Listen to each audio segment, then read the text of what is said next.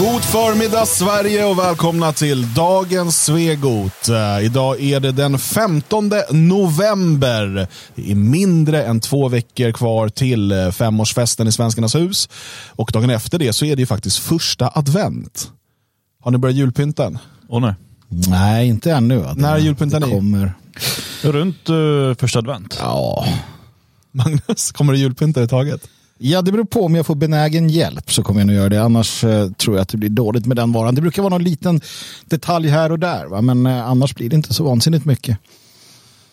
Jag har, ju fått... ju försökt kan jag ju säga så att uh, ställa ut grejer som känns lite juliga men inte behöver vara det. Som kan stå året runt, precis som påskprylar.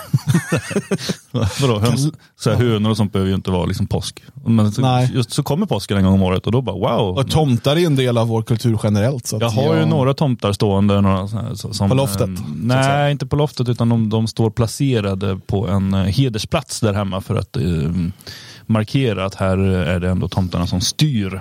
Jag ser ju lite framför mig, jag vet inte Björn eh, om du gör det, men jag ser Dan framför mig lite som, eh, har du sett den här Ett päron till farsa? Firar jul. Att, det, att han är väldigt mycket att han vill att det ska vara så här, oh, det måste vara mycket jul, det ska vara pynt och det ska vara det, och släkten kommer och så blir han bara mer och mer frustrerad och så här går runt och, ah, ah. men det ska liksom upp med grejer. Jag har ju fått eh, hålla tillbaka min fru. Hon vill ju börja julpynta i oktober någon gång, om hon får bestämma. Ah, inte det tysk du gör det eller? Nej, det är nog mer hon som är problemet här. Eh, Alltså, jag förstår, och det, det är lite också nu när det här mörkret lägger sig över oss. Jag förstår att man vill upp med liksom ljusstakar och flera, alltså allt det här som hör till. Och det blir ju trevligare också när man går och vandrar i bostadsområdet och liksom det, det lyser överallt. Och så. Det, det blir ju mysigt, speciellt om snön ligger också. Eh, nu var jag ute och vandrade eller promenerade lite igår. Det är bara mörkt. Liksom. Eh, och så ser man någon som har liksom börjat pynta, då blir man lite glad. Jag förstår den där dragningen, men eh, jag är inte Edvard Blom-konservativ, alltså att man inte får börja fira först typ 23 eller vad han Nej, nej. Sen ska man fira fram till 10 januari. Eller något där, va? Alltså han börjar väl pynta lite tidigare? va? Ja, det kanske han gör. Och jag är inte jag, tycker, jag håller heller... ju med, alltså typ granen tar man in den 23. Ja, men, men jag är inte heller Erik Reinfeldt är det va? Ja, just det. Ja, någon av Reinfeldtarna som börjar, han har ju kvartal, julkvartal eller vad man kallar det. Ja. Det är lika idiotiskt som de här som numera firar birthday week. Alltså de ska fira sin födelsedag i en vecka. Va? Kan man göra det? Ja, man kan göra vad man vill Björn. Nämen. Alltså, jag har ju det problemet. Wow. Jag har ju inte plats för gran hemma. Ja, det blir liksom inte, det blir liksom inte bra. Björn har en julgran i november-aura på något sätt. står det i chatten. Jag vet inte vad det betyder ens. Att du är killen som tar in den, jag vet inte. Nej, heller. nej, nej, alltså när jag har haft gran, jag hade jag inte det, jag har inte haft det sedan jag flyttade hit. Men eh, tidigare då har jag hämtat den den 23. Mm. Eh, gått ut och eh, jag går ju ut några veckor tidigare och hittar en lämplig gran som jag ska hämta. Jag är okej med gran tidigare. Eh, Men det är ju ofta risk att den barrar rätt mycket fram till jul. Då. Ja, Jag tänker jag är ju, jag är ju militant motståndare till plastgranar. Ja, ja, jag har ju varit där, men, men jag har ju också insett just det där med barren. Att, att det är ganska bekvämt och det finns ju riktigt fina eh, plastgranar. Jo, tycker jag vet. Eh, De, eh, Men jag har inte... Jag har inte Mina barn sa att de hade sett eh, rosa och orangea eh, granar som de ville ha. Eh, På typ Dollar Store eller någonting. mm, dålig uppfostran då. Jag, tror, jag tror på, i mitt Jag sa fall, nej. Och sen dess har de inte fått gå ut. jag tror på gran utomhus i år för min del. Jag, min, min Irmin sul är inte färdig. Den, det är ett år efter eh, schemat. Totempålen menar du? ja, vissa kallar den, min, mindre intelligenta kallar det That's det. what she said. Jo då, vars. Hörni, eh, vi ska djupa, dyka ner djupt i bögtunnan idag. Så att jag vill varna känsliga tittare och lyssnare. Eh, detta kommer inte vara ett barnvänligt avsnitt. Nej. Eh, för jag vet att många sitter ju, det är, man samlas på kvällen med familjen, barnen, popcorn och så tittar man på Dagens Svegot från tidigare. Så att den här gången skulle jag säga att barn inte ska vara med eh, under den här sändningen. Egentligen ingen skulle jag säga. Nej, titta inte på det här. Alltså, ja, det beror ju på också. Nej, de ska nog, eh, om inte annat så måste de sen få en, en eh, genomgång av vad de har sett och hört snarare. Ja, Hört, kanske. Eh, jag är inte redo att ta det samtalet med era barn. Nej, det får ni göra själva. Men vi överlåter åt er. Men triggervarnade är ni nu. Vi ägnar oss nämligen åt triggervarningar. I det här läget tycker jag att det, jag, alltså, jag tycker att med triggervarningar har fått ett oförtjänt dåligt rykte. Ja, men det har det. För att det har blivit, för att det blir så larvigt och överdrivet att åh, här förekommer det liksom samtal om graviditet. Ja, ja, ja. tycker- ja, men, du vet. men det här med att man inför ett tv-program säger att den här, det här rekommenderas inte för barn. Det tycker jag är bra Alltså, information. så här, hade det, hade det stått inför Human Centipede vad den innehöll så hade jag inte tittat på det. Det var väl enda anledningen att folk tittade på den, var att man visste ungefär vad den innehöll. Jag tittade aldrig på den, men eh, Det är som den här konstiga tolkningen av, av um, eh, vad heter det? 120 dagar i Sodom. Um, Just det, filmatiseringen Sodom, ja, där precis. de har moderniserat handlingen. Och väldigt underlig. Jag tänkte här blir en sån här liten historisk bok och så. Man är inte helt bekant med Desads litteratur och sådär. Jag tänkte, ja, den filmen satte vi oss ner med familjen. Köpte, köpte snittar och skulle äta. Snickers. Eh, Men det, det var inte alls eh, någon bra film. var inte det. Det hade ju varit bra med en varning. Vi körde på Human Centipede, körde jag och min son, vi hade gjort chokladpudding. Eh, det vart det har jätteobehagligt. varit dålig stämning där. Så att, Skulle vill, krypa runt på golvet och leka sen. Så här, det, Jag vill- inget blir likt. Jag måste bara lite snabbt här nu, Mikael i, i chatten här, att tjuvhugga en gran kan vara en fin familjetradition, absolut, men se till att det är kommunens mark. Just det. Inte att man går hem till vanliga privatpersoner och stjäl deras tillgångar. och man får inte heller stjäla från kommunen, eh, vill jag hälsa från ansvarig utgivare Magnus Söderman. Absolut, det finns risk också för att du blir skjuten om du går ut på fel bondjävels mark. Kommer du inte hem igen, vare sig du eller sonen. Växer granarna grönare nästa år där. Nu har vi eh, då varnat eh, och eh, vi ska snart ner i bögtunnan. Eh, men innan det så vill jag eh, ge en liten uppdatering från eh, Tyskland. Eh, det är ju ett spännande land, Förbundsrepubliken Tyskland, BRD, Bundesrepublik Deutschland, som alltså är namnet på den statsbildning som segrarmakterna grundade eller återuppfann efter eh, andra världskriget. Ja, det är ingen organisk statsbildning, den är ju inte, den är inte legitim om man ska Nej, det är en, en, en eh, författning skriven av ockupations och Mm. segrarmakterna och så vidare. Ehm, och vi vet ju att förbundsrepubliken är en av de mest eh, repressiva staterna i, i liksom vår världsdels historia. Mm. Ehm, och vi vet till exempel att i eh, förbundsrepubliken är det fler böcker förbjudna än det var under tredje riket. Mm. Det är sådana här saker man ska ha med sig när man tänker då på den demokratiska förbundsrepubliken Tyskland och hur den fungerar. Och det i sig eh, kan ju då alltså, ligga till grund för att förstå vad det är som har hänt här senaste dagarna. Eh, och då gäller det, det eh, ja, förlaget och, eh, ska man säga, den, den intellektuella tankesmedjan eh, Anenrad. Eh, jag skulle jämföra det med, i Sverige närmast vi ska komma i Motpol, om Motpol också hade ett litet förlag. Eh, vilket man kan säga är lite Arktos på ett sätt är, men, men inte riktigt. Ändå inte. Ändå inte. En gång i tiden var de väl närmare eh, liksom, sådär Nordiska förlaget och, och så. Men de publicerar eh, ganska intellektuellt tunga artiklar eh, och sådär. Och, eh, men, men ger också ut böcker och skrifter och sådär. Och en bok som eh, man gav ut 2016 eh, hette Was tun, ein Vademecum de Reconquista. Eh, Den här blev indexerad, eh, alltså den blev förbjuden att sälja eller göra reklam för. Ehm, vilket i stort sett är att förbjuda en bok. Det, det, det måste man ju liksom Ja, se. går inte att sälja den så vet jag inte. Alltså den blev väl i första hand då inte förbjuden att inneha, men du fick inte producera den, trycka den, sälja den eller göra reklam för den. Nej, nej. Ehm, Och på då, så menar ju då demokratin att den boken är inte förbjuden. Precis. Du får bara inte trycka den, sälja den eller berätta om den. Ja, det är ju som i Sverige när man dömer böcker för att som folkgrupp, då gäller ju samma princip. Man Ja. får lov att ha ett, ett exemplar hemma, men inte fler än ett. Eh, och det här, eh, den blev då indexerad eh, eh, 2016. Eh, och den här indexeringen gäller i fem år. Och sen eh, så eh, dras den liksom tillbaka och så kan det finnas då, så kan det behöva göras en ny process. Eller så ser man det då som att den har ett historiskt värde. Det kan finnas lite olika sådana här vägar det kan gå. Eh, det här löpte då ut i, i september eh, i år.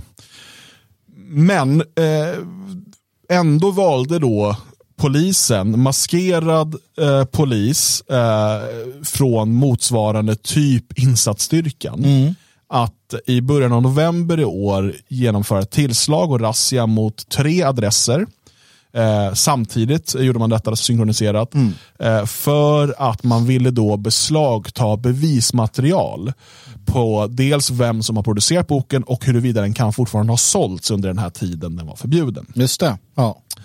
Eh, och en eh, utav adresserna man gjorde tillslag hos var hemma hos eh, Dr. Pierre Krebs, som, eller Krebs, som, som är författare till boken.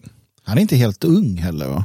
Nej, det är han väl inte. Jag Tror vet inte jag. exakt hur gammal han är, men, men nej, han är, han är väl en 60 eller någonting. Ja, ja jag tror nog det. Jag tror han är född på Varit med 60-talet. länge. Han är, han är eh, född i Algeriet, ska vi lägga det till, så han är ju invandrare. Är han algerier? Eller Han är fransk algerier, alltså han är fransk fransk. algerier. Ja, Eh, är, han har österrikiskt och franskt ursprung. Jag. Född i franska Algeriet som Ja. sveks av uh, de Gaulle. Eh. Mm.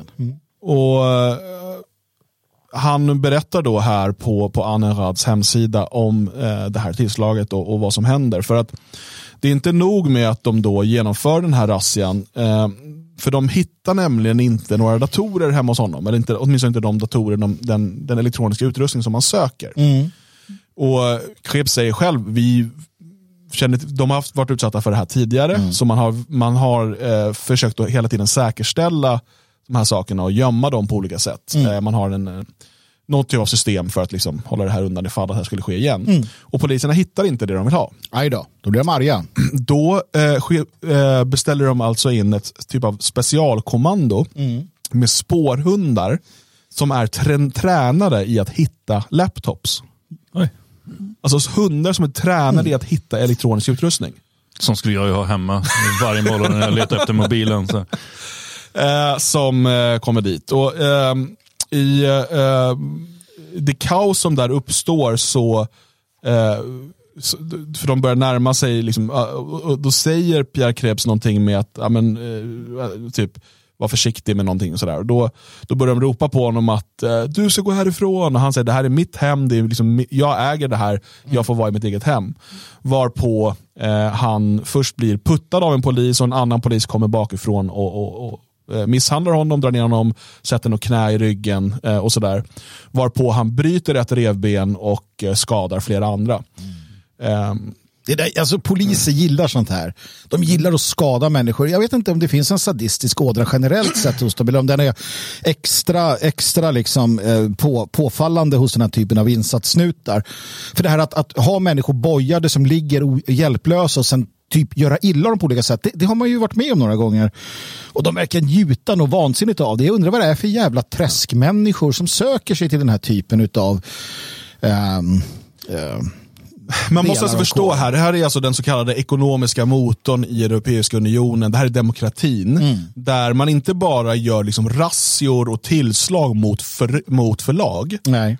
efter att ha förbjudit böcker. Mm. Utan man också misshandlar intellektuella pensionärer. Precis, en 60-årig, Ja, 65-årig men, eller pensionär är taskigt att kalla honom. Han skulle bli skitare om man hörde det. För han, han eh, är väldigt tydlig i, när han berättar den här historien att han är inget offer. Han är liksom inte, eh, och han eh, tänker inte acceptera att bli behandlad som det. Nej, det kan han Eh, säga, men... jo. Men jag, jag, så jag ska inte kalla, att förminska honom till någon pensionär när Nej, han nej, är en men- jävligt men- stridbar, en stridbar liksom, vit man. Jo, fast han har inte en chans mot tre terrorsnutar som kommer in med, med skyddsutrustning och, och, och MP5-or och liksom slår ner honom och sätter sig på honom och, och misshandlar dem. Du, du har inte en chans mot de där sadisterna. Du, du har inte det. De slog alltså till vid nio, vilket är ovanligt sent för en razzia. Trötta jävla tyska poliser. Jag hade Och var där ända fram till efter klockan 15. Ja, kan ta tid sånt där. Ehm, och, och genomsökte hemmet. Och som vanligt, det här kände de till som vet hur det här fungerar. Han är 75 år. 75, så gammalt. Ja, det är en... Ja. Ja, då, då, ja. Då måste man ju få säga pensionär. ja, fast, han, jobbar ju. Ja. Men eh, då, eh, som vanligt då, man, man vänder upp och ner på hela hemmet och lämnar det som ett jävla bombnedslag. Eh, och eh, på de här, eh, genom de här razziorna då så beslagtog man då två stycken Macbooks, två mobiltelefoner, fem externa hårddiskar och sju sådana USB-minnen.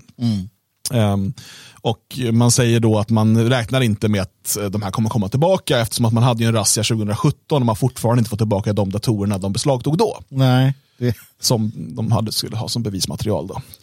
Eh, jag, jag vet inte liksom om, om... Jag ville bara uppdatera folk på att det här pågår. För att det kan vara lätt att glömma bort det ibland.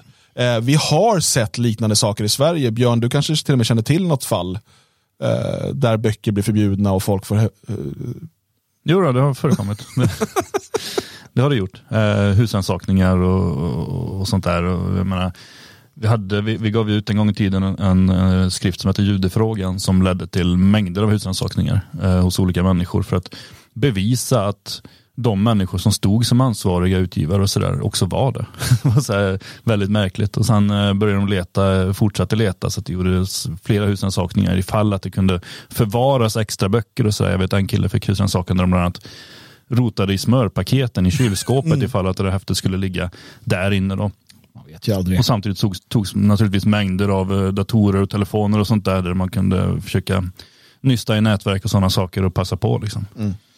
Men, men det är också viktigt att förstå att det, det här är ingenting, eh, alltså det, under samma tid, och vi pratar alltså så många årtionden som den europeiska, de europeiska demokratierna då säger sig bekämpa eller stå upp emot eh, kommunismen och förtryck i olika delar av världen, så ägnar man sig åt systematiska eh, förtryck och, och den här typen av aktioner mot, mot nationalistiska intellektuella. Vi har i, i Spanien till exempel, nu kommer jag inte ihåg vad förläggaren hette, men det var 70-80-talet, konstanta razzior och bränning av böcker. Du har Anthony Hancock i Storbritannien eh, som, som jagades, käppjagades, hade ett eget tryckeri.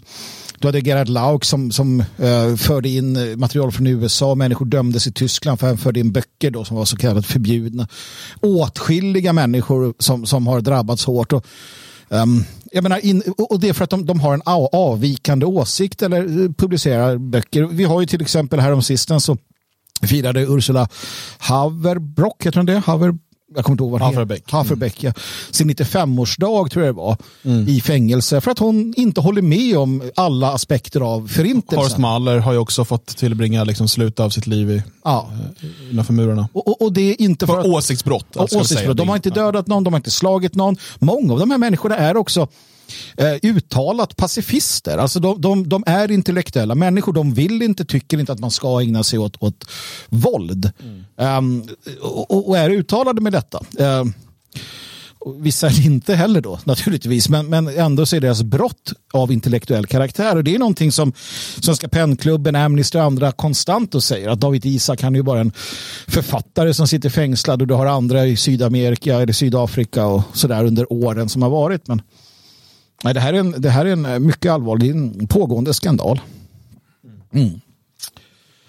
Um, så att uh, jag ville mest bara informera om att det här sker. Uh, för att det kan vara bra att påminna folk om ibland. Uh, att, att vi pratar ju ofta om det här med demokrati och yttrandefrihet och så vidare. Och speciellt de vid makten talar gärna om det. Mm. Och man kan man kan kalla det för whataboutism och så vidare, men, men man bör alltid göra tankeexperimentet tänk om det här istället var i Ungern mm. eller i Polen, hur hade, eh, och att det vore då en, en, ett vänsterförlag mm. eller ett hbtq-förlag eller vad de nu kallar det för, mm. eh, som hade utsatts för det här. Mm. Hur hade, alltså vi hade haft diplomatisk kris mm. där man liksom hade krävt, de ska ut ur EU och så vidare. Mm. Men det här sker, och det här sker flera gånger om året, i, alltså liknande det här, eh, i eh, liksom Europas hjärta. Ja. Nej, det, det är så. Eh, på, på en annan not, eh, man blir ju avundsjuk på tyskarna. Mm -hmm. I det här att, ja, men det här lilla förlaget. Att de, de har så många små fina förlag som liksom bär sig själva mm, Jo, men det kan ju, fördelen är att de är ett, ett vad säger man, en kulturkrets med ja. 110 miljoner tysktalande eller sådär det, det, det hjälper ja. när man ger ut, eh, om man ger ut böcker på svenska så är det mindre. Det är, liksom. det, är det. Nej, men jag minns när vi... När vi... Jag, vet, jag kommer ihåg första gången vi skrev ut en bok på tyska på Europa Terra Nostra. Ja. Eh, och tyskarna bara, men vi trycker väl två och ett halvt tusen. Jag bara, ja. Nej, två och ett halvt, vem ska köpa alla de böckerna? De bara, ja men det är lugnt. Och så bara, nu måste vi göra en andra tryckning. Bara, Va? Mm. Den här boken? Mm. Jag trodde vi skulle sälja 300, det är vad vi brukar göra i Sverige. Ja. Men då kom jag på att 300 i Sverige är ju som 3000 i Tyskland. Ja. Eftersom de är tio gånger fler. Det är ju, det är en grej fortfarande i Tyskland att man får hem eh, kataloger med nationella, ja. så tjocka kataloger med ja, nationella Dessutom böcker. har du det, du har en, du har, eh, i Sverige, eh, tyvärr så ser vi en, eh, en Alltså i Tyskland upp, höjer man upp böcker ja. väldigt mycket. Och just det här det intellektuella mm. samtalet. Det ser man dels i mainstream-tv men även på så nationella evenemang. Att det, är så här, det är gubbar som sitter och diskuterar i timmar och man själv bara, "Åh, när kommer vit maktmusiken? Nej men du förstår vad jag menar, det, finns, en, det finns den här, eh, en helt annan sån grej och det, det gör ju att förlagen har en annan, eh, ja. Och sen, det är bara titta, det var ganska intressant nu på, eller för några år sedan här när, när vi var med på den internationella bokmässan i Leipzig eh, från Europa Terra. Det var ju andra nationella förlag också. Det. Eh, och det var liksom det var massor av människor som kom och köpte böcker. Ja. Alltså så här verkligen vanliga eh, myllers. Som bara så här, oh, jaha, ni är okej, högerextrema. Och, och, Kul. och, vad har ni för vi- böcker? Ja, men då tar jag en av varje så kan vi läsa lite sen. Så här, Okej. Compact hade ju en eh, monter som var enorm. Ja, ja, ja. Det, är- alltså det, det är ett annat klimat på det sättet. Jag vet Sen, inte hur det gick på bokmässan i Göteborg när det har varit nationella där. Logik har ju aldrig fått vara där. Vi Nej. var ju bojkottade redan från början. Mm. Eh, för att vi då till skillnad från typ Aftonbladet hade eh, dömts för hets mot folkgrupp någon gång. Vilket ju Aftonbladet också hade, men det, var, det gjorde inget i deras fall. Eh, men det var ju motivet. Så att, men, men jag vet inte, de som har varit där, om de har lyckats sälja bra eller om det mer har blivit en mediagrej bara som har gjort att de har fått publicitet. nej, jag vet inte heller det. Sen har du den lilla nackdelen då i Tyskland att du får revbenen sönderslagna av polisen då och då. Ja, om det är fel bok och sådär. Men det, det kan man ju ta nästan. Jag känner det. Ett, ett revben. Man har ju några stycken. Hörrni, vi ska lämna det där och eh, gå vidare och hoppa in i bögtunnan för det är, den, eh, det är den vi ska simma runt i idag. Och där inne där blandas det äckliga saker med ännu äckligare saker eh, och sådär. Jag tänker att vi ska börja i en, eh, ja det är väl en debattartikel i Aftonbladet. Ska se om jag kan få lite bakgrundsmusik här. Det där känns bögigt. Ehm, och så ska vi kolla in då Lukas Romsons eh, debattartikel eh, i Aftonbladet. Och eh, Lukas Romson, vi ska prata mer om honom sen. Men vi kan väl bara konstatera att han är Åsa Romsons syster. Eh, Just det, vi börjar där. Ja. Har Ja. varit, eller är, eller jag vet inte. Han har varit hennes bror. Nej, Jo, när de var små. Nej då var han hennes syster. Ja, just det. Just det. Ja, det. Nu är han hennes bror. Jag tänker att vi börjar med att läsa den här. Tror det. Vi börjar där. Richard Jomshof talade nyligen i en intervju i Aftonbladet om hur han och Sverigedemokraterna tycker det är viktigt att på rättsosäkra grunder utvisa människor. Sa han Det är det? ju inte helt sant det här. Alltså, det är, det är lite lögn här. Så jävla dålig Jomshof är på propaganda. Ja. Ja, jag tycker det är viktigt att vi på rättsosäkra grunder. ja, han sa Men inte så. rättssäkra, det- nej. Lukas- Rättsosäkra är viktigt. Lukas ljuger som sin bror, Syster. syster. Ursäkta, för hon... Ja. Ja, för hon är ju samma även om han byter kön Ja, fram och det- tillbaka. det- så precis. Hon fortsätter ändras ju inte. nej. Okej. Inte Om hur han och Sverigedemokraterna tycker det är viktigt att på rättsosäkra grunder utvisa människor om de uppvisar så kallad bristande vandel. Jomshof är som ordförande för justitieutskottet regeringen Kristerssons närmaste samarbetspartner hos SD i rättsfrågor. Som exempel på bristande vandel lyfter Jomshof sen fram muslimskt dräktskick och hets i moskéer mot homosexuella. Det han är... Dräktskick. Dräktskick. Men han, han är ju då för... Det, det, det som eh, Jomshof sa var att man tvingar barn att bära slöja. Jo, men är, han, är han emot hets i moskéer mot homosexuella? Eller se. för? Jag vet inte. Mm. Med anledning av Jomshof tema, varför kan ingen av de här vi läser skriva ordentligt? Har de, alltså, går det Tänk om de har en korrekturläsare som inte kan. som gör Nej, om men det jag undrar är, går det så dåligt för mainstream media idag? Att de inte har råd med korrekturläsning? Jag tror det går ganska dåligt. Förr kunde man ju ha så en anställd för att skriva så här någon rolig kolumn i veckan. och så. Mm. Sånt har man ju inte längre i samma utsträckning. Med anledning av Jomshofs tema vill jag påminna om att det mest kända fallet i Sverige med hets mot homosexuella kom från en pingstpastor i en kyrka. Jag vill bara, jag måste, ja, alltså, det är det mest kända fallet för att Åke Gren blev dömd. Eh, Det gick hela vägen till EU-domstolen där men blev frikänd till sist. Ja, det var ju en pre- pre- prejudicerande rättegång Ja. och det var inte så konstigt att den blev uppmärksammad. Eh, Samtidigt som det också, dels för att han anmälde sig själv. Eller Ja, så han bjöd ju in media. ja, och berättade att nu ska vi hetsa mot bögar. Ja, Eh, men jag menar, Han ville väl testa huruvida Bibeln, för det var ju när man ändrade lagen Ja. hets mot folkgrupp, så den också skulle in, eh, inneha- inkludera homosexuella. ja, folkgruppen homosexuella. Så precis, och då ville väl han testa, okej är min tro nu eh, förbjuden enligt svensk lag? Så det- det jag då vill liksom-. Men, men det som var, jag menar, det, det är väl också det att det, sitter ju inte journalister och anmäler vad som sker i, moskéerna. Det är ingen, de är ju inte där. Nej. Liksom. Så att, ja, eh, Det hade kunnat vara många rättegångar skulle jag gissa på. det är jag rätt säker på. Okej. Eh, det Jomshof gör är att han återigen försöker piska upp ett hat mot muslimer och i detta använder homosexuella som slagträ. Han tar oss som gisslan, trots att han mycket väl vet vad större delen av Sveriges homosexuella anser om hans partis politik. Vet han vad... Har, Vad har de en åsikt då? Ja, tydligen Ja, så, så alla, alla, bög, okej, alla bögar är likadana. Ja, De är inte bara en folkgrupp, alla tycker precis likadant också. det är ändå bra att veta vart man har dem någonstans. Ja, nej men det är väl det. Han baserar väl liksom det där på sin umgängeskrets inom kulturvänstern. Så, ja. nej, alla bögar jag känner, de tycker att eh, Jomshof är dum. Alla heterosexuella också förvisso. Så, så, Det är det att han, han ställer ju väldigt, för det är väldigt snäv. Alltså, han är ju både stolt bög, transman, Vi vänsterkrist. kommer, vi kommer till det. Ja. Eh, SD är som bekant inte välkomna på Pride-festivaler eftersom de inte anses vara ett parti som delar Pride-rörelsens värderingar om alla människors lika värde och rättigheter. där gör han ju Pride-rörelsen till det enda som, den homosexuella åsikten. det är ju vad Pride tycker. Och det finns absolut inga homosexuella som är emot Pride. Nej, och är, är, är, om det mot förmodan finns det så är de inte homosexuella. Nej, inte riktiga, inga riktiga Nej, de är bögar. Det är självhatande som, homosexuella. vad var det, Joe Biden som sa att eh, om du är svart och röstar på Republikanerna så är du inte på riktigt svart. Nej, precis. Ja, något, något, här, ja. ah, Okej. Ja, nej, men det är där vi är. Ja. Faktum är att det inte alls är muslimer utan den kristna högen i Sverige som utgör det största hotet mot, mot, mot, mot, mot, mot, mot, mot alla, Mot, mot. mot, mot, mot, mot alla hbtq-personer, hbtq-personers rättigheter om vi ser till enbart religiösa grupper. ja, nej, det är... Ja, mm.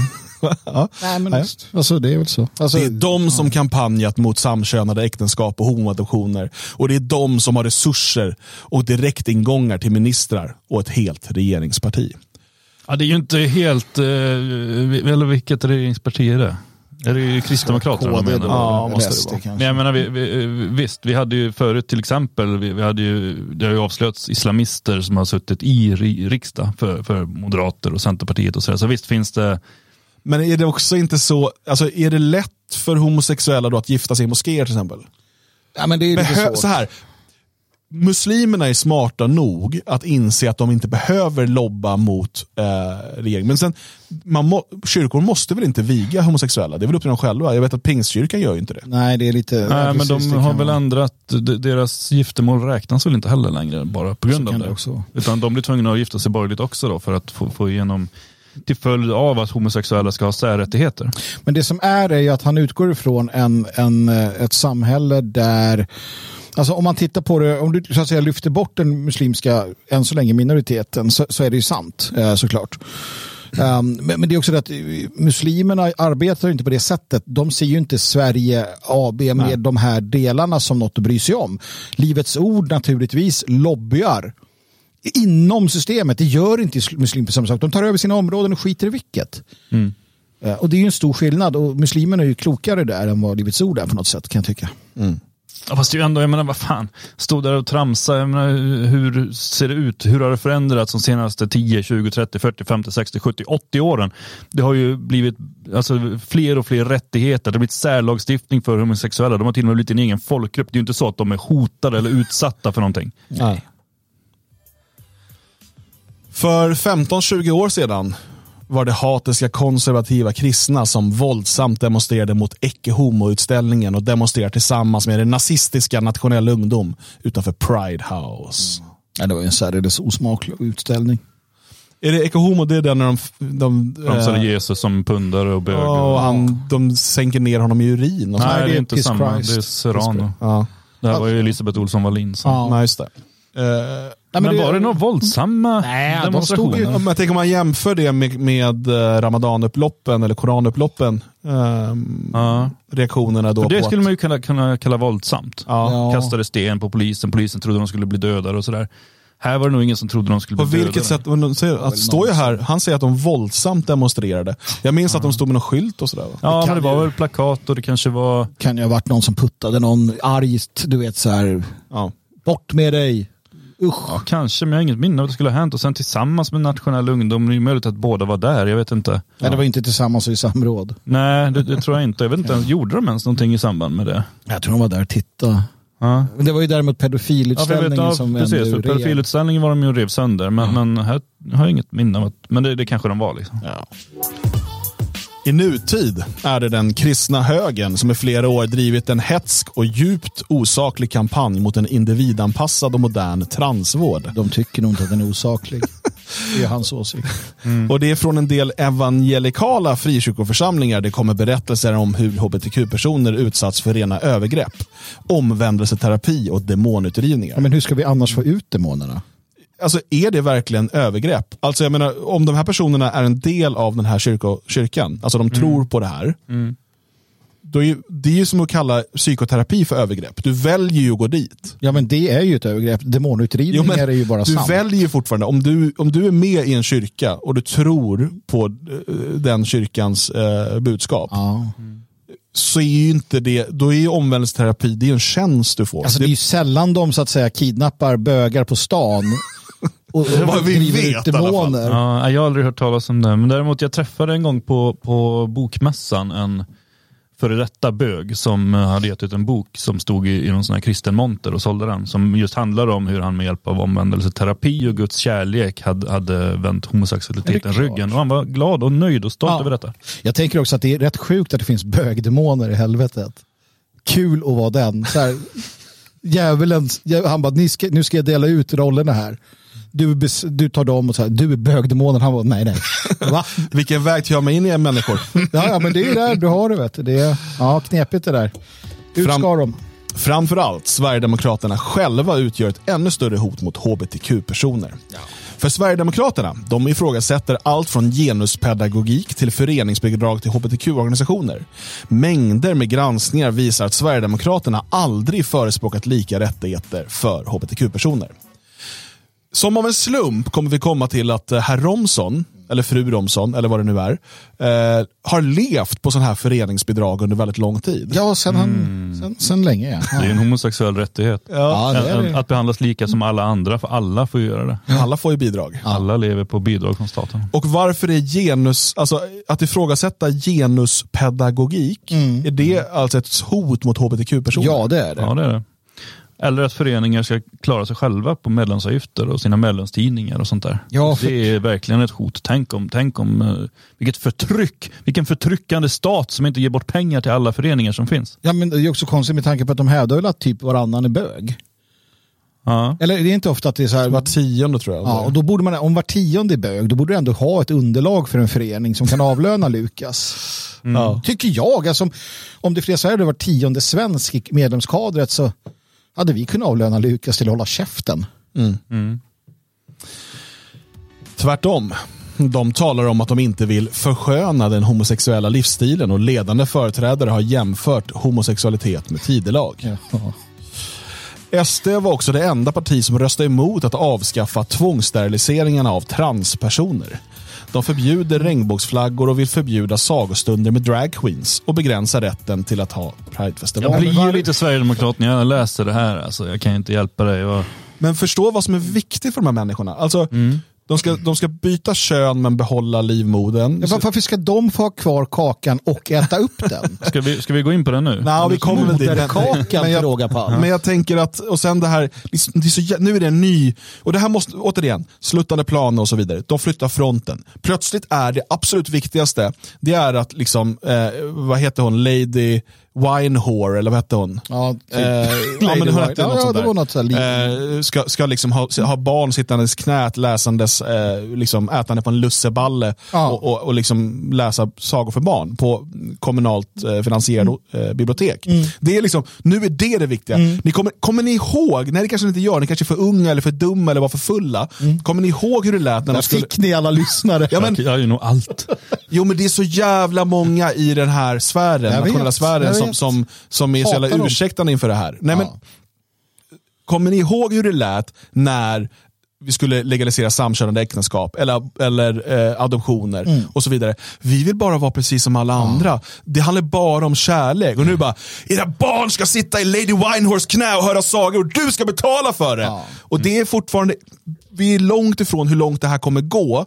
Alltså, det handlar, man kan inte bara rucka på eh, fundament i samhället och tro att det inte kommer få en fjärilseffekt längre fram. Det, det är det som är problemet här. Ni som, som satt där, jo men det är väl klart att de också ska få gifta sig. Det är väl klart att de ska få adoptera barn. De är precis som vi, bara det att de är av samma kön och älskar varandra.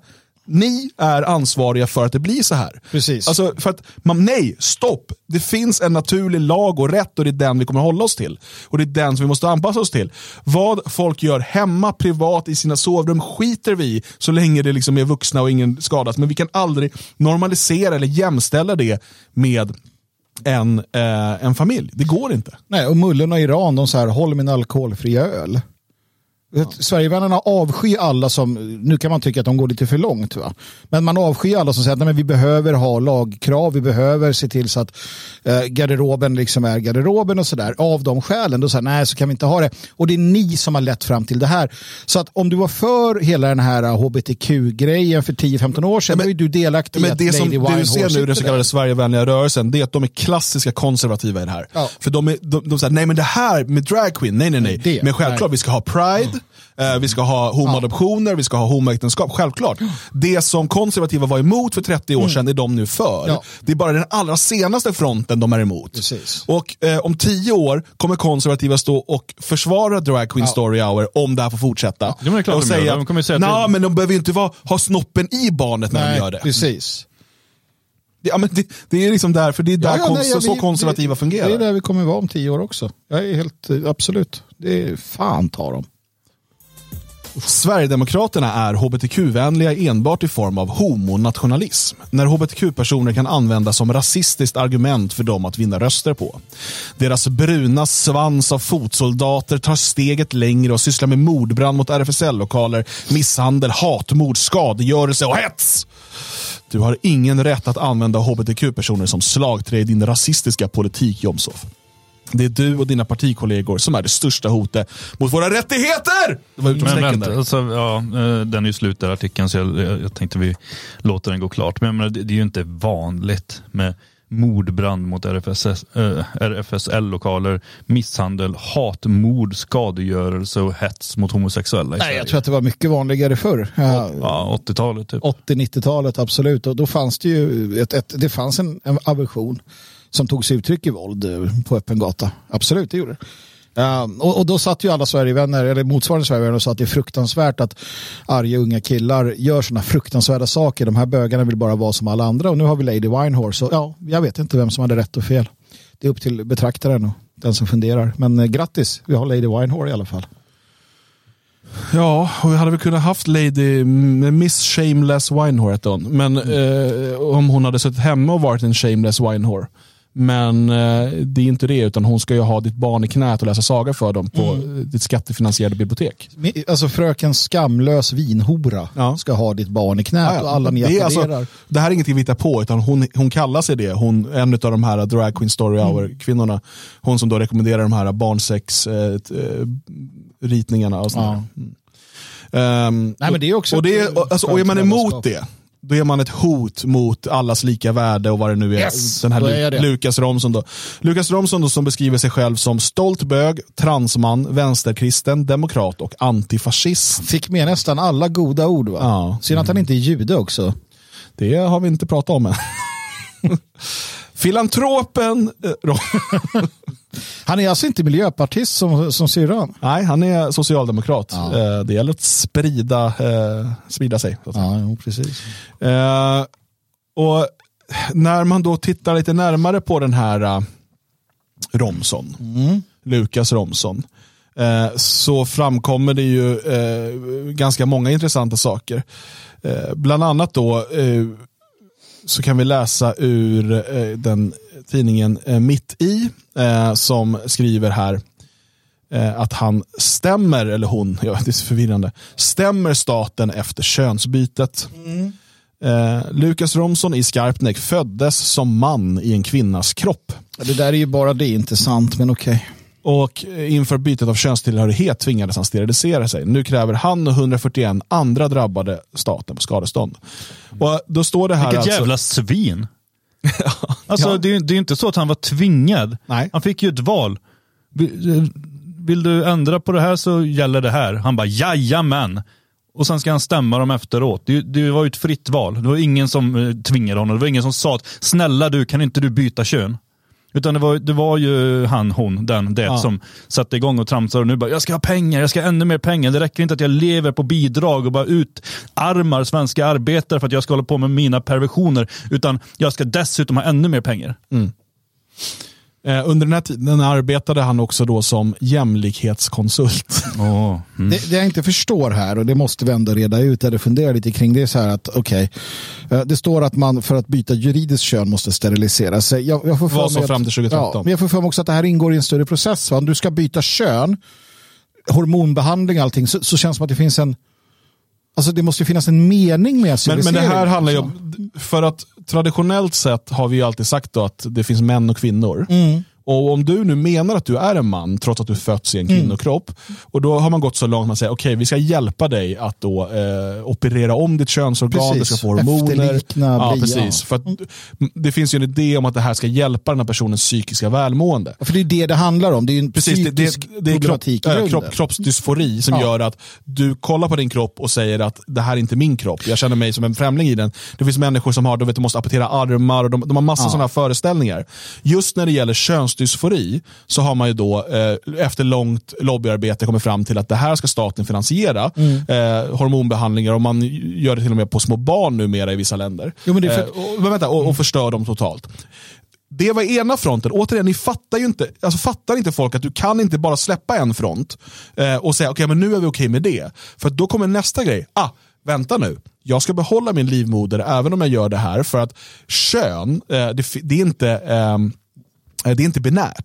Utan eh, det är inte kvinnor som har livmoder. Utan även män kan ha livmoder och även eh, icke-binära kan ha livmoder. Eftersom att kön bara är en identitet. Eh, alltså könsidentitet och har ingenting med biologi att göra.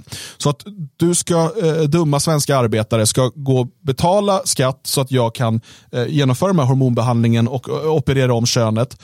Eh, men du ska inte påstå att jag, att jag för den sakens skull är en man. Utan jag är ju då en icke-binär eh, hbtq queer person eller vad de nu kallar sig för den här gången. Eh, och därför ska jag också behålla min livmoder. Alltså, eh, först är fronten att eh, vi ska ha rätt att byta kön. Sen nästa front, det finns inga kön.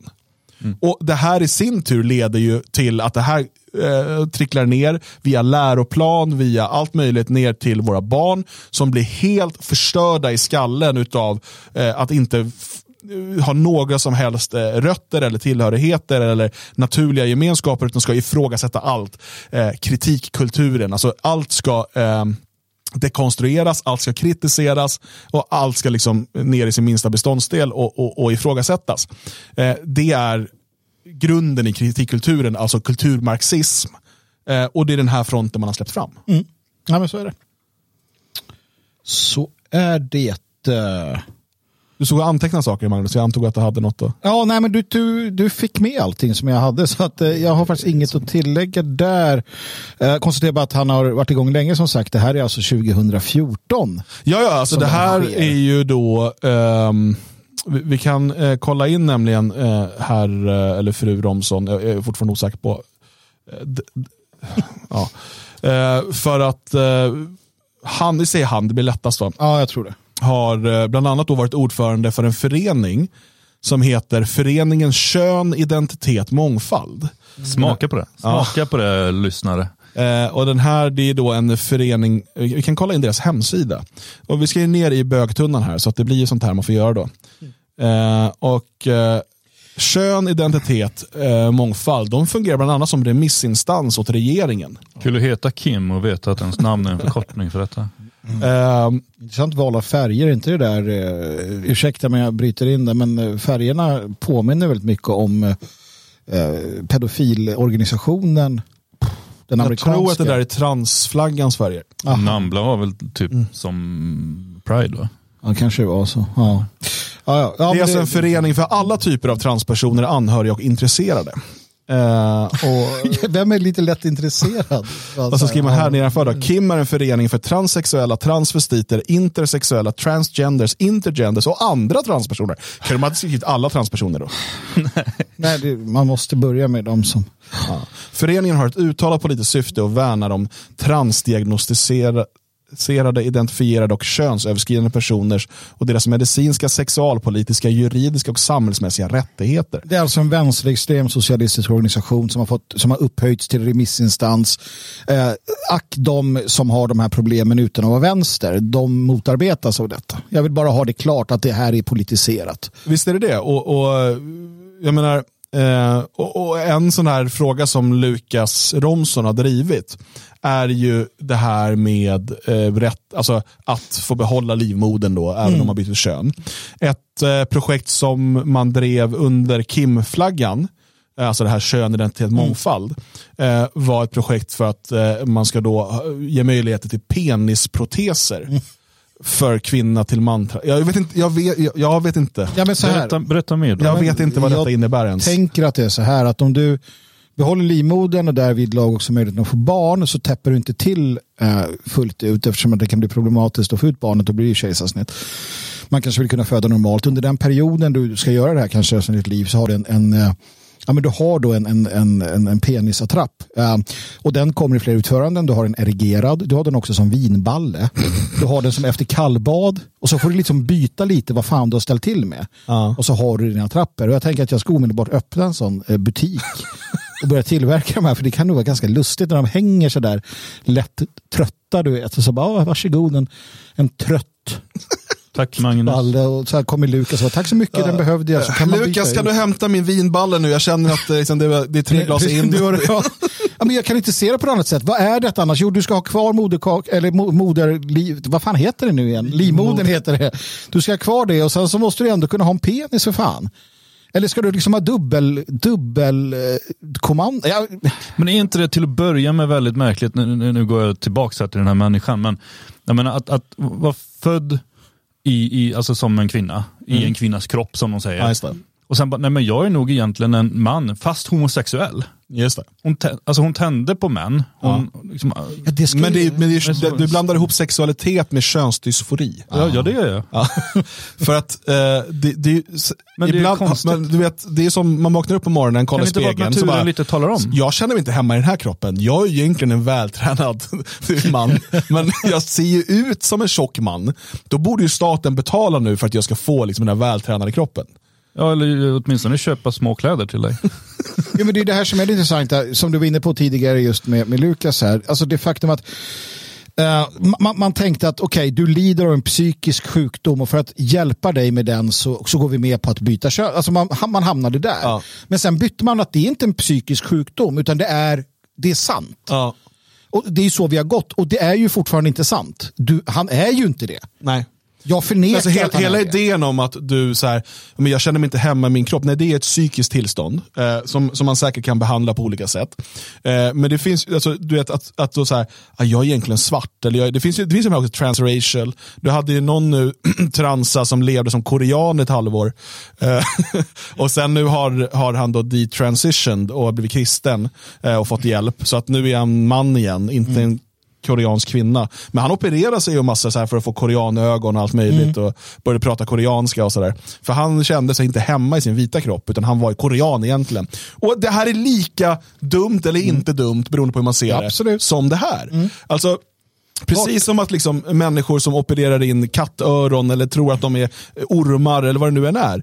Det är precis lika sant som de som tror att de egentligen är en man fast de är en kvinna. Alltså de, det är könsdysfori, de, eller eh, kroppsdysfori. Du kollar på din kropp och säger, nej det är inte så här jag upplever mig själv. Det enda är att, det enda är så att de flesta som så här, antingen gör man ingenting eller så går man och får psykologisk hjälp. Just när det gäller könsdysfori som man då valt att kalla det, Då ska man in och skära och stoppa in eh, liksom, hormoner och så vidare Mm. för att bekräfta den här personens föreställning om sin egen kropp. Alltså är man förbannad på kyrkorna som liksom försöker hjälpa människor att komma bort ifrån homosexualitet. Mm. Men det, här är ju, det här skadar ju människor för livet. Så här, Det andra är lite, ja, men du har fått lite terapi och vi har pratat om Gud och djävulen med dig och försökt få dig att eh, hitta en riktning som kyrkan tycker är rätt. Ja men om det inte är bra, ja, men gå vidare, gå till en psykolog och prata och sen så kom fram till att du är bög då. Men jag menar här, man opererar om barn. Så här, till någonting helt annat för att eh, barnen lite på skoj har sagt att ah, men jag vill nog ha klänning idag säger den lilla pojken och föräldrarna itutar och massa socialdemokratisk vänsterpropaganda som kommer ifrån massa sjuka människor på universitet i USA en gång i tiden. Bara, ja men det är klart att du är en flicka och sen bara direkt drar igång och, och, och stoppar könsutvecklingen och så när puberteten är på gång.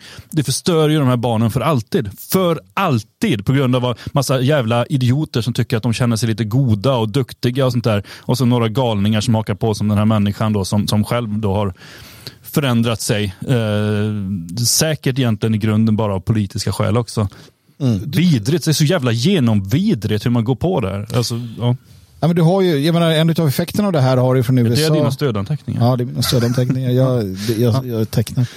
Eh, det är ju hon läkaren i USA ja, som är läkare. eh, som, som, som eh, gör reklam på TikTok och liknande med ganska så här, tuffa videos som riktar sig till, till unga människor. Om hur att skära av brösten eh, hjälper alla åkommor. Och hon, hon berättar ju stolt att eh, så här, ja, men den här veckan har jag... Eva-Marie, vår dotter gillade att leka gorilla, men hon blev ju ingen. Nej, det, Men då skulle ni ha tagit dottern till läkare. Har gett henne hårtransplantationer. Alltså. Ja, men där- där har du då en läkare som då veckovis då redovisar hur, hur många bröst hon skär av och visar bilder på ihopsydda unga flickors liksom, ja, avskurna bröst. Och nu mår de så bra, så det, det gör de inte. Alltså, de mår jättedåligt. Många av dem, många av de här kommer ju också ta livet av sig vad det lider. Va?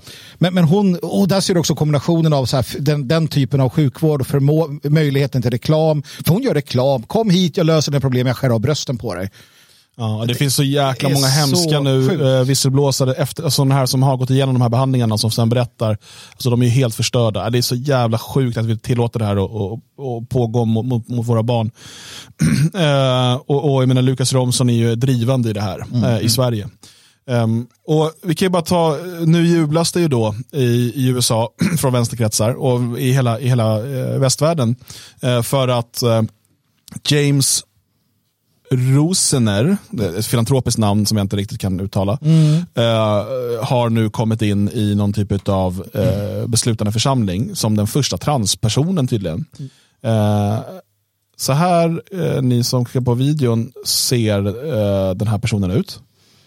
Det här är alltså en person som nu ska bestämma i USA. Här, så här ser, kan, kan någon av er beskriva för lyssnarna hur, hur eh, James ser ut? Ja, du har ett, ett äh, avlångt, lite tjockt ändå ansikte med rakad frisyr. Du ser ju där att han har någon form av äh, piercing. Va? Eh, jag vet inte vad den där kallas, Björn. Har du någon koll? Nej, det är väl någon form av stav va, som går... Går mellan ögonen liksom. Ja. Som att den binder ihop huvudet på något sätt. Jag vet inte. Ja, eh, ganska otrevlig. Alltså det blir, eh, sammanhanget gör ju också att man, man, man, man mår lite dåligt utav det. För man vet ju att den här människan inte mår bra. Eh, Jag skulle säga att det här är en människa som inte mår bra. Nej. Eh, Och som man då har försökt hjälpa genom att säga att jo, men det du upplever är sant och du är inte den du är eller du är något annat och så vidare. Och, och, så, och han har, eh, Eh, han har, fritt, eh, fritt blås då in i den här galna världen. Uh, hjälpts fram av starka lobbyorganisationer med mycket pengar mm till den här rollen. Då. Precis. eh, Det finns något som heter LGBTQ Victory Fund. Eh, Alltså segerfonden för, homosex- för HBTQ. Eh, Som Tycker det är då- dåligt att de exkluderar så många människor i och med att vi inte har med det plusset. Eh, De, de, använder, de, de samlar in pengar och får även offentligt stöd då för att finansiera kampanjer för hbtq-personer att komma in i olika beslutande befattningar. Det är alltså, alltså det är ju Viktigt arbete. Ja, men, men man, varför, är det så, så här, varför är det så viktigt att eh, könsbytare sitter i parlamentet? Vad är det som gör det så viktigt för dem? Är det inte personens åsikter som är det viktiga? Det är det, det eviga, att, att det är så viktigt att den ska vara svart, det ska vara kvinna, det ska vara filantrop, den ska vara Alltså det är alltid så viktigt med allt det som de säger är oviktigt. Mm. För att det är ju det vi hör. Det är, det är, inte viktigt. Ras spelar ingen roll. Kön spelar ingen roll. Inget spelar roll. Men när det kommer till vilka som sitter i bolagsstyrelser, vilka som kontrollerar media, vilka som kontrollerar politiken, vilka kontrollerar underhållningsindustrin. Då är det jävligt viktigt att grupper som annars inte spelar någon roll ska vara definitivt representerade och gärna överrepresenterade. Jag låter en video rulla här Magnus. Kan du, berätta, kan du berätta vad vi ser? Jag tar ingen ljud på. Det vi ser är då eh, transaktivister kallas det för i New York City som demonstrerar för rätten att vara som de är och de är då eh, skjortlösa och, och visar sina tuttar för, för allmänheten. Det är alltså män med tuttar. Um, är, är det det? Uh, ja, det ska det vara. Alltså, det... De här är precis som vi. Absolut, de är, de är precis som vi. Um, vet, alltså, så, så skäller de då på människor som kanske tycker att man inte ska hålla på med sånt där. Uh, och det här är ju då, vi delar det här med er för att vi vill att ni delar lite av vår börda att behöva se det här. Um, det är de här som ska få sitta med era barn. Det är de här som ska få lära era barn om, om sex och samlevnad. Det är de här som ska läsa böcker för era barn och kalla sig för vindrickande horjäveln eller vad det nu var för uh, charmigt namn. Uh. Eller försöker de störa något möte eller vad är det de gör? Ja, någon gör, jag vet ja. inte. Men jag, det, jag blir extra provocerad av den här lilla jäveln som står längst ner i hörnet. Som sp spela flöjt utan att spela några toner utan bara står och blåser i den. Alltså, jag har inget ljud på det. Jag, det som jag kan också spela flöjt. Ja men det var ju, fingrarna rörde sig ju inte. Ah, okay. Jag kan också spela flöjt. Jo, nu är du flöjtspelare också. Du är inte bara könsbytare mm. utan även en fantastisk musiker. Men det var ju ganska, jag minns när jag läste QX för säkert nu 20 år sedan. Och QX är en bögtidning. Ah, i Sverige. En kulturbögtidning va? Ja, något så fräckt som det. Mm. Och där, där, skrev ju då, om det var ja, förbundsordförande för RFSL, um, ehm, eller RFSU, jag kommer aldrig ihåg, att uh, för man hade nämligen gjort vissa, man hade, man hade fått igenom om det var bögäktenskapet eller vad det var, att man fick gifta sig i kyrkan. Och då sa han att okej, okay, vi har vunnit här nu. Ja, just det. Och det här är deras mm. interna tidning. Alltså, ja, det är ingen annan. Plus att nu, nu har vi vunnit här. Nu ska vi gå på det här med aids, att vi ska få ge blod. Va? Det var prostitution, ska bli lagligt. Vi måste, vi måste vara liksom, vid fronten och nu är det det vi siktar in oss på. Eh, nästa steg. Så att det du tog upp där, där Dan, att de flyttar gränserna, det är en medveten strategi. Absolut. Och de är ute Ut, efter barnen. Uttalad, inte minst internt. Ja. Men jag tror just den där artikeln tror jag till och med publicerades i någon mainstream-tidning. Den kom ut kan lite väl så. långt. Ja. Alltså. Eh, och där var det väldigt tydligt att nu har vi vunnit det här slaget, men vi är absolut inte klara. Eh, och vi vet, alltså på 80-talet så delade RFSL eh, och pedofila arbetsgruppen, som mm. det hette, mm. Eh, postbox. Eh, och det var liksom i stort sett överlappande organisation. Mm. Eh, var mer eller mindre som en intern arbetsgrupp i eh, ja. RFSL, eh, även om man hävdar annat idag. Mm. Eh, men, eh, och det kom ju då utav den här vidriga eh, 68-vänsterns, alltså då 70-talets vidrigheter, eh, boomer-generationens liksom, förstörelse av västerlandet. Mm. Eh, och, och, där liksom pedofili höll på att normaliseras totalt. Mm. Det fick en backlash på 80-talet och 90-talet, eh, inte, inte minst eh, tack vare aids. Ja. och Som då gjorde att man bromsade upp galenskaperna. men det har ju nu tagit fart igen. Mm. Och eh, Vi ser nu hur normaliseringen av pedofili eh, har tagit fart något oerhört de senaste tio åren. Massa olika sätt. Det här Drag Queen Story Hour är en bit på det. Återigen, fokusera inte på eh, det nuvarande slaget, mm. utan hela kriget. För det är det de gör. Mm. Du tänker, ah, Babsan eh, sitter och läser mm. böcker för barn. Det är väl inte så farligt. Men vad är steget när vi accepterat att Babsan sitter och läser? Eh, det, det, är ju hela tiden, det är de här stegen. För att det är bara ett litet slag, ett jättestort mm. eh, kulturkrig. Um, och, och, och, om du förlorar ett slag så retirerar du och då kommer fronten närmare din hemmabas och till slut är den Eh, översprungen och du är förlorad. Ja, men det är det och vi måste förstå, du måste förstå att de är ute efter barnen. Det, det, är väldigt tydligt, de är ute efter barnen, barnen och de är det på alla sätt. Alltså de är det eh, mentalt, de är det fysiskt, de är det på alla sätt och vis. De ska lära ut sexualitet i skolorna, de ska ha fri tillgång, de ska ha barnen i sina knän, de ska titta i USA hur det här har spårat ur, titta på Pride-galorna i, i Sydamerika där små barn eh, dansar den här typen av sexuella eh, striptease-danser eh, inför horder utav eh, homosexuella som kastar pengar på dem pågår helt öppet. Eh, pågår också i USA. Kommer förr eller senare att hamna här. Man är ute efter barnen. Det är medvetet det man vill ha. Eh, du kan ju bara som, som eh, eh som test gå in på, det här är något som Patrik Sjöberg de inte gör. Gå in på en bögdatingsida och kalla det för att du är en liten pojk så får vi se vad som händer.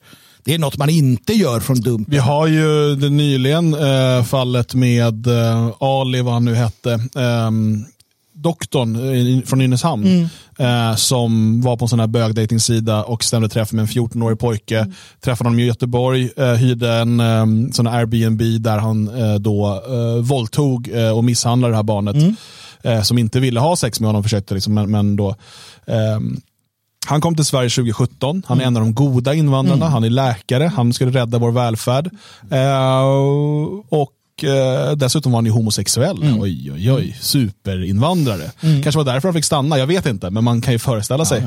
Ja, eh, och han ville ligga med barn. Mm. Ehm, och Det är sånt som försiggår på eh, sådana här dejtingsidor i allmänhet och eh, homosexuella dejtingsidor i synnerhet tyvärr. Ja, och det, det, det, är, det är bara så. Det kommer vi inte ifrån. Nej. Eh, och ja, Hur påverkar det här då eh, barn och andra? Vi kan ju bara titta på den här eh, statistiken ifrån USA. Eh, där man då har undersökt hur många eh, amerikaner som själva identifierar sig som hbtq. Och det här var då 2021 per generation. Mm. Och tittar vi då på den yngsta generationen, det som kallas för generation Z, eh, de som är födda mellan 1997 och 2003, alltså som idag är, vad är de, mellan 20 och 25 ungefär. Mm. Så är det 20,8 procent mm. Eh, det är ganska tydligt om du ser här, om går från de som är födda innan uh, andra världskrigets slut så är det 0,8, bland boomers 2,6, generation X 4,2, millennials 10,5 uh, och generation Z 20,8. Det här är inte det enda då, för då kan man säga okej, okay, för varje generation så är det fler och fler som identifierar sig mm. på det här sättet. Men om vi då tittar på utvecklingen inom en generation, för att förstå att det här inte eh, alltså det här är någonting som, som eh, sker på grund av yttre påverkan. Eh, nu ska jag ta fram en annan statistik här. Eh, och den, eh, ska vi se om jag kan ladda igång den lite snabbt. Um, den här visar då eh, fram till 2020, så det här är ett år tidigare. Men om vi då kollar till exempel generation Z. Mm. 2012 var det 5,8 procent som menade att de var någon typ av L, eh, hbtq. Mm. Det ökar varje år. Fram till 2020 då är vi 9,1 procent. Och eh, vi hade då eh, nu till 2021, som inte är med på den här grafen, 10,5. Det fortsätter öka. Mm. Eller förlåt, generation Z, eh, millennials ska det vara. Ja, mm. precis. Mm. Jag menar millennials, inte eh, generation Z. Alltså det ökar, det nästan dubblerats från 2012 till 2021. Mm.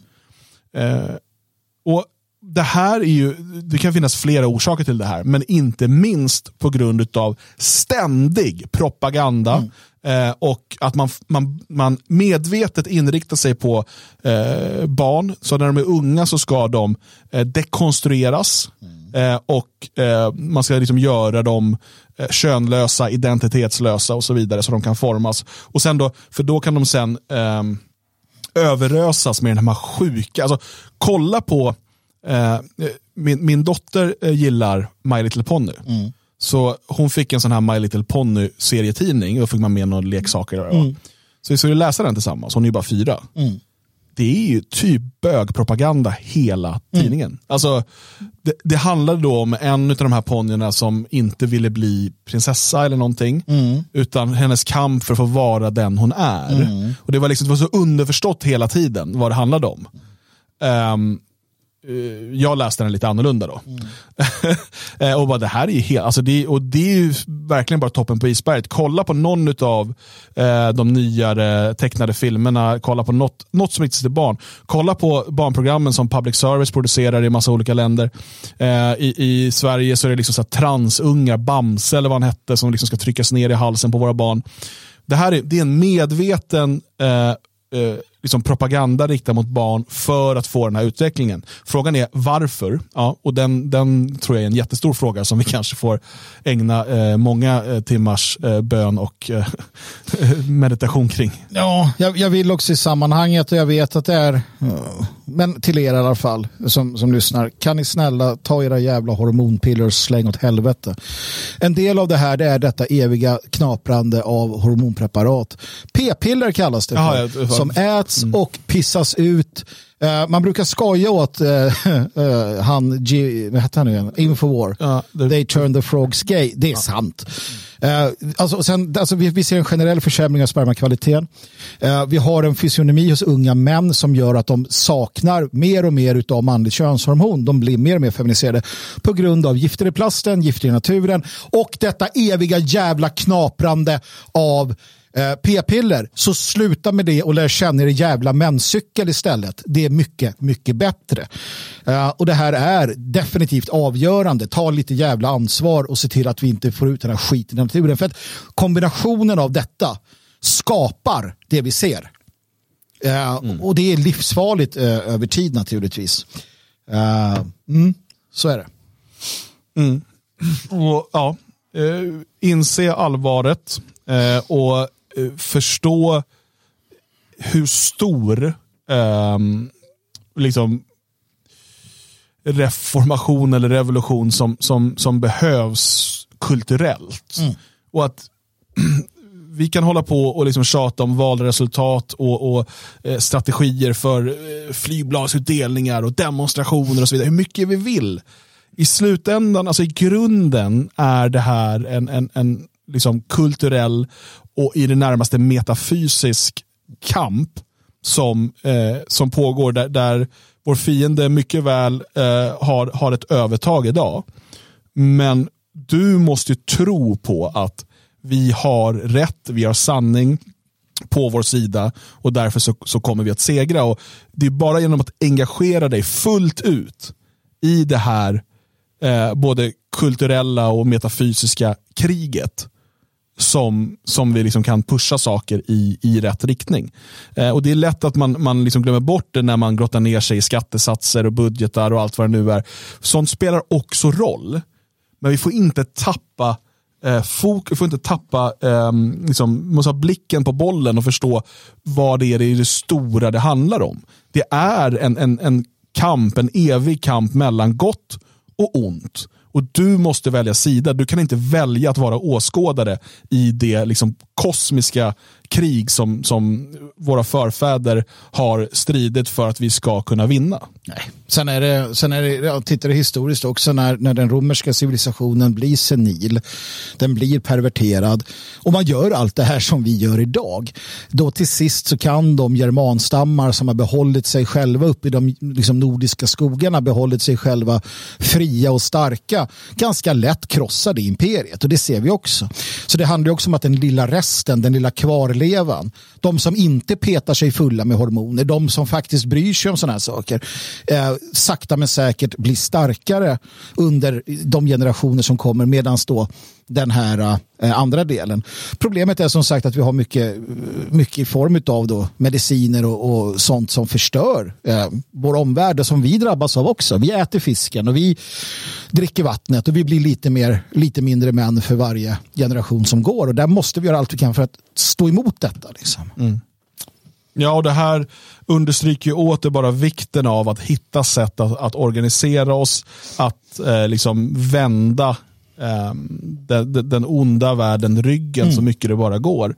Eh, och, och, det är ju Även om det liksom bara är ett, ett embryo än så länge så är det ju det vi vill göra med det fria Sverige. Mm. Eh, och, och, och, det som vi liksom strävar emot hela tiden. Och Det ligger ju här i ditt intresse och, och att engagera dig, organisera dig och, ta ansvar för framtiden. Mm. Det, det du kan, som sagt, du kan inte bara vara åskådare. Du kan inte bara sitta och vänta på att saker ska lösa sig av sig självt eller att någon annan ska lösa det, lösa sig åt dig. Utan du behöver ta ansvar för dig, för dina barn och för kommande generationer och ge dem den här eh, möjligheten att faktiskt bygga någonting som kan stå emot den eh, storm som liksom drar in över oss. Mm. För att det här kommer eh, ta slut. Det här kommer eh, falla. Men frågan är vad står kvar när det faller? Och där behöver vi eh, skapa någonting som är så pass starkt och motståndskraftigt och fullt av liv och fullt av kärlek att det kommer kunna stå emot även den hårdaste av stormar. Och, och Det skapar vi tillsammans. Och, eh, jag, jag, jag, jag hoppas verkligen att du förstår allvaret och att du ser till att organisera dig, bli medlem i det fria Sverige och eh, se till att flytta ihop närmare med varandra här i Elgarås eller om ni gör samma sak någon annanstans om ni inte eh, Skaraborg av någon anledning duger. Eh, och, och liksom, kavla upp ärmarna och vara med och bygg den här, det här motståndet. Så är det. Jag har inget att tillägga. Jag ska protestera. ja, nej. Det är, det är vi överens om. Hörrni, eh, femårsfesten finns fortfarande platser kvar. Eh, friasvenskar.se, in och boka in dig. Eh, glöm inte att eh, stödja Radio Svegots arbete inne på svegot.se. Eh, och handla dina böcker från Logikförlag och in på logik.se. Eh, då inte bara stödjer vårt arbete utan du även vattnar din egen intellektuella trädgård. Just det, vad fint det där var. Kom du på på en gång det där själv. Vi vattnar din intellektuella trädgård. Tack så mycket. Ja, eller rosenbuske kanske. Oh. Tack eh, för att ni var med idag. Vi kör imorgon igen klockan 10 och då är du också med.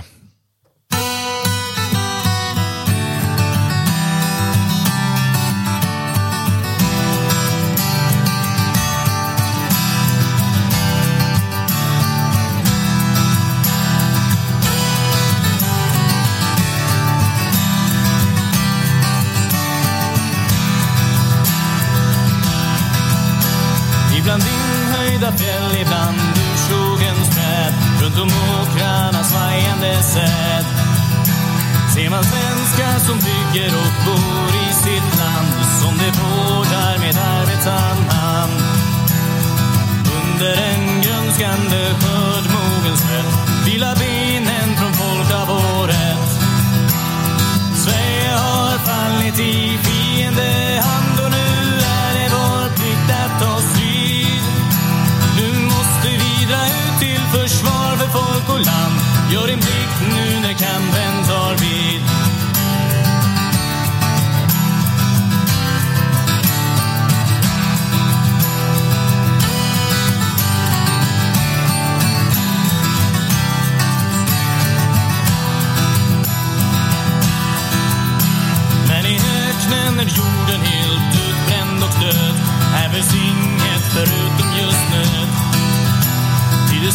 Pröva band från land och till land här jag fram har gett skälpande hand. Han som slitit där i åkras och köpslås hit